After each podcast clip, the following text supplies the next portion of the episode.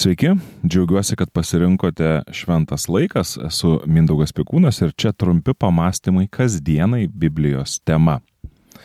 Autorės Susan J. Ellis ir Catherine H. Noyes savo knygoje apie savanorystės istoriją Amerikoje teigia, jog savanorystė Pirmoji iškelia socialinės visuomenės problemas, sprendžia klausimus susijusius su bendruomenės poreikiais.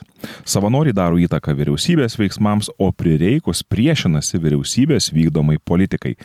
Tad savanoriai yra tyrinėtojai ir eksperimentuotojai, kurių nevaržo tradicijos noras išlaikyti visuomeninį statusą.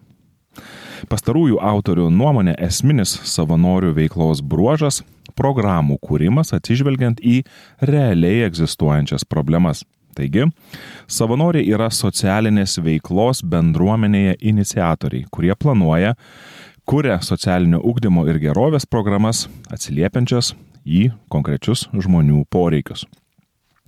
Turbūt karas Ukrainoje yra vienas iš geresnių šių dienų pavyzdžių, kiek ir ką gali nuveikti savanoriai vedini aiškaus tikslo ir spręsdami konkrečią problemą. Manau, kad neįmanoma suskaičiuoti, kiek valstybei sutaupo lėšų savanoriškas darbas ir kokią pridėtinę vertę jis kuria. Yra istorija Biblijoje apie tai, kaip šventraščių specialistas Jėzaus paklausė klausimą apie tai, kaip jam reikėtų elgtis su žmonėmis. Jėzus vietoje to, kad užkiptų ant kabliuko ir diskusiją tęstų filosofinėse aukštumose, ją pavojingai nuleido ant žemės prie kelio iš Jeruzalės į Jerichą, kur plėšikų sužeistas gulėjo nelaimingas vyras. Jėzus pasakė tokį palyginimą. Vienas žmogus keliavo iš Jeruzalės į Jerichą ir pakliuvo į plėšikų rankas. Tie išrengė jį, sumušė ir nuėjo savo, palikdami pusgyvi. Atsitiktinai tuo pačiu keliu ėjo vienas kunigas. Jis pamatė nelaimėlį, bet praėjo kitą kelio pusę. Taip pat ir Levitas pro tą vietą eidamas jį matė ir praėjo kitą kelio pusę. O vienas pakeleivis, samarietis, užtikęs jį, pasigailėjo. Jis priejo prie jo, užpylė ant žaizdų aliejaus ir vyno, aptvarstė jas, o paskui užsikėlęs ant savo gyvulio nugabeno jį į užėgą, kur jį slaugė. Kita diena jis išsiemė du denarus, padavė užėgos šeimininkui ir tarė, slaugyk jį, o jeigu išleisi ką viršaus, sugrįžęs aš tau atsilyginsiu. Luko Evangelija 10 skyrius 30-35 eilutės. Šį palyginimą aiškindami kai kurie sako, kad kunigas ir levitas negalėjo padėti, nes ėjo tarnauti į šventyklą Jeruzalėje ir pagal tuometinį įstatymą tarnaujantysis negalėjo liestis prie žmogaus, ypatingai jei jis jau yra miręs. Kiti spekuliuoja, kad jie skubėjo į tikinčiųjų susitikimą ir negalėjo vėluoti. Kiti leidžiasi įkandin savo vaizduotės ir, galiu įsivaizduoti, su šiokia tokia šypsena veide svarsto, kad gal jie ėjo ne į Jeruzalę, o kaip tik į Jerichą, kur planavo susitikti su kelių planavimo komitetu ir galvojo, kad geriau problemą spręsti iš esmės ir nesiblaškyti rūpinantis pasiekmėmis. Pasakysiu, ką sako mano vaizduotė. Visko gali būti, kad tie žmonės tiesiog bijojo. Jie galimai galvojo, jei aš sustosiu, kas nutiks man. Tačiau gailestingasis samarietis galvojo, jei aš nesustosiu, kas nutiks tam vargšui žmogui. Šie du požiūriai yra seni kaip pasaulis. Šie du požiūriai yra skirtingi kaip tamsa ir šviesa.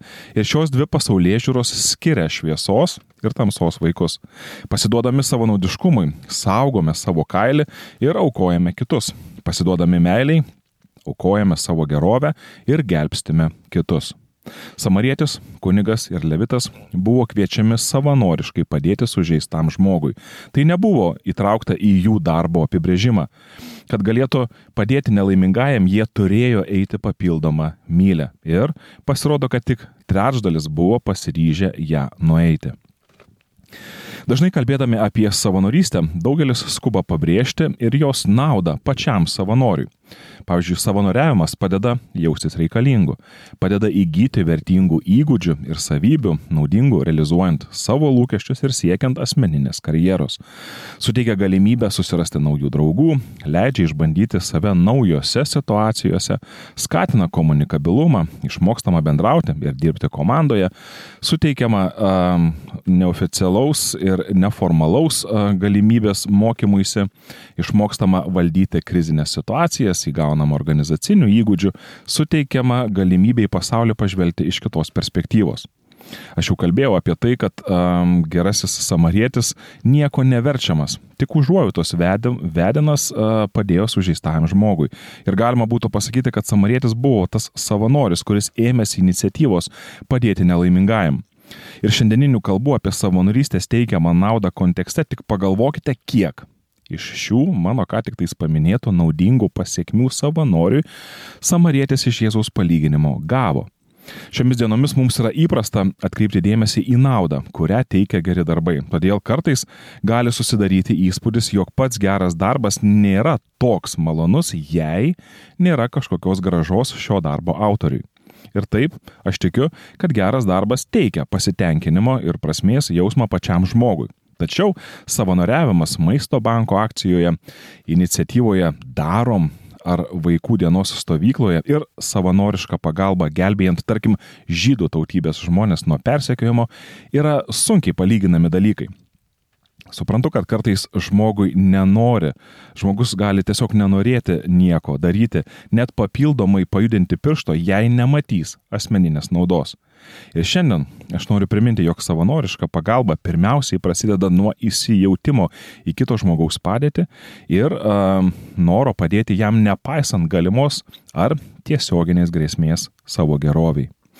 Nes dažnai savanorystė tai reiškia savo gerovės suvaržymą vardant kito žmogaus. Jėzus kartą kalbėjo, aš gerasis ganytojas. Geras ganytojas už avis guldo gyvybę. Samdinys neganytojas, kuriam avys nesavos, pamatęs sėlinantį vilką, palieka avis ir pabėga, o vilkas puola jas ir išvaiko. Samdinys pabėga, nes jis samdinys, jam avys nerūpi. Aš esu gerasis ganytojas, aš pažįstu savasias ir manosios pažįsta mane, kaip mane pažįsta tėvas ir aš pažįstu tėvą.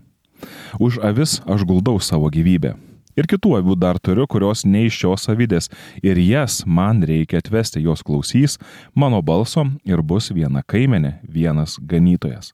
Tėvas myli mane, nes aš guldau savo gyvybę, kad ir vėl ją pasiimčiau. Niekas netima jos iš manęs, bet aš pats ją laisvai atiduodu.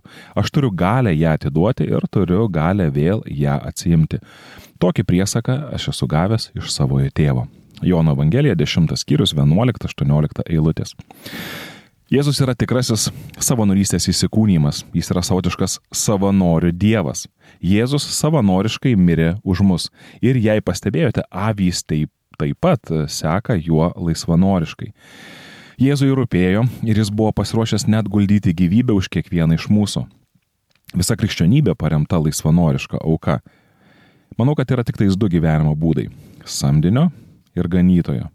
Na, Jėzui mes neprilygsime, tačiau ganytojas simbolizuoja žmogų, kuris rūpinasi, nes jam rūpi, o samdinys prižiūri, nes jam yra sumokama. Kokioje pasaulyje žiūroje jūs dažniau gyvenate? Ar toje, kur vertė yra kuriama nesavanaudiško rūpeščio prislėgtiesiems ir tiems, kuriems reikia mūsų papildomos mylios, ar toje, kur pilietinė, krikščioniškoji ar asmeninė atsakomybė baigėsi su asmeninė nauda?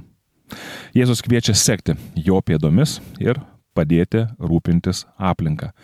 Iš pradžių savanorystė gali būti labai mažas dalykas, gal tik paimti numestą šiukšlę. Paskui ji gali tapti pagalba neturinčiam būtiniausių maisto prekių ar hygienos reikmenų. Dar vėliau ji gali mus pakviesti spręsti dar didesnius šio pasaulio ir gyvenimo iššūkius. Tačiau su kiekvienu savanorystės žingsniu aš tampu mažesnis, o atsiverimas pasauliui didesnis. Nesakau, kad savanorystė turėtų mus taip praryti, jog nebeliks laiko mažiems gyvenimo malonumams ar darbui už pinigus. Ne. Sakau tik tai, kad net darbas už pinigus gali tapti savanorystės išraiška.